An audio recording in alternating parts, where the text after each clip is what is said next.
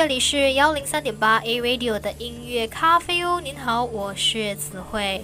那根据 Chat GPT 的这个软件的回答，它的运作方式很简单，因为它接受了它接受了来自于互联网的大量数据的培训，也包括来自于多个书籍、文章和网站的文本。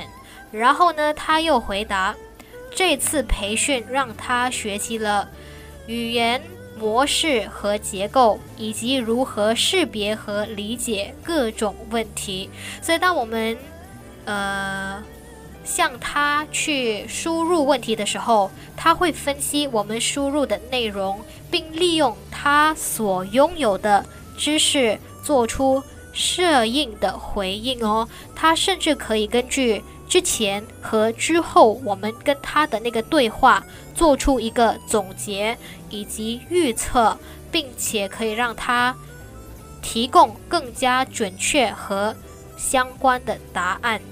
那么，ChatGPT 都有什么用处？那分享到它的用处呢是非常广的，从回答人们的问题。到协助研究，甚至呢是可以写一篇内容文章哦。那企业也可以使用它，通过它对于客户询问的一些问题，可以提供及时的回应，来改善客户的服务。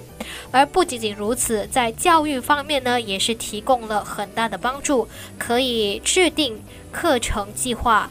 以及可以回答学生的一些问题，那所以是不是说，服务员和老师们在以后快要失业了呢？